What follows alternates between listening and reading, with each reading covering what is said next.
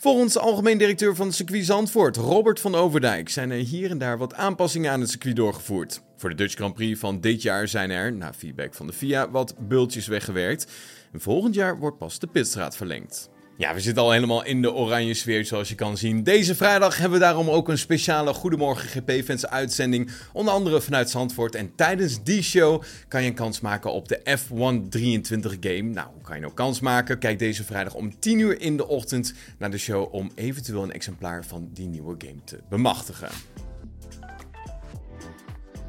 Het Formule 1 Circus reist dit seizoen voor het derde jaar op rij af naar Zandvoort voor de Grand Prix van Nederland. Rondom het circuit is er maar weinig ruimte voor de vrachtwagens en accommodaties van de teams. Maar al twee jaar op rij lukt het de organisatie om het allemaal te laten passen. Voor volgend seizoen staan er echter wel wat aanpassingen op de planning. En in de F1 aan tafel podcast legt de algemeen directeur van het circuit uit. Na de editie van 2022 is de organisatie aan de slag gegaan om de terugkoppeling van de VIA te verwerken, zo legt Van Overdijk uit.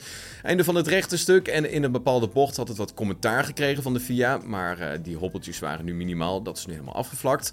Volgend seizoen zal er wel een grote verandering worden doorgevoerd. Niet alleen de pitstraat wordt verlengd, ook de tunnel onder het circuit wordt verlengd en ook komen er zes extra pitboxen bij.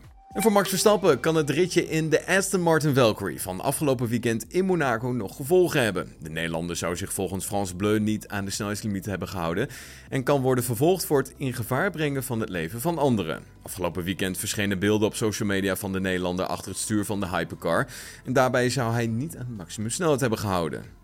Verstappen zou de 124 km per uur hebben aangetikt, daar waar 90 is toegestaan.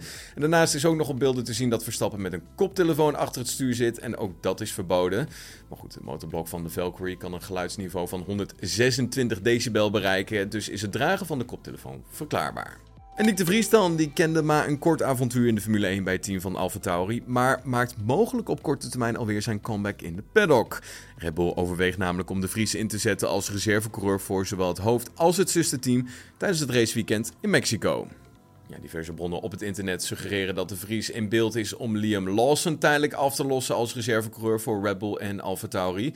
Lawson kan het namelijk niet bolwerken in zijn agenda, aangezien het raceweekend in Mexico overlap heeft met zijn verplichtingen in de Super Formula.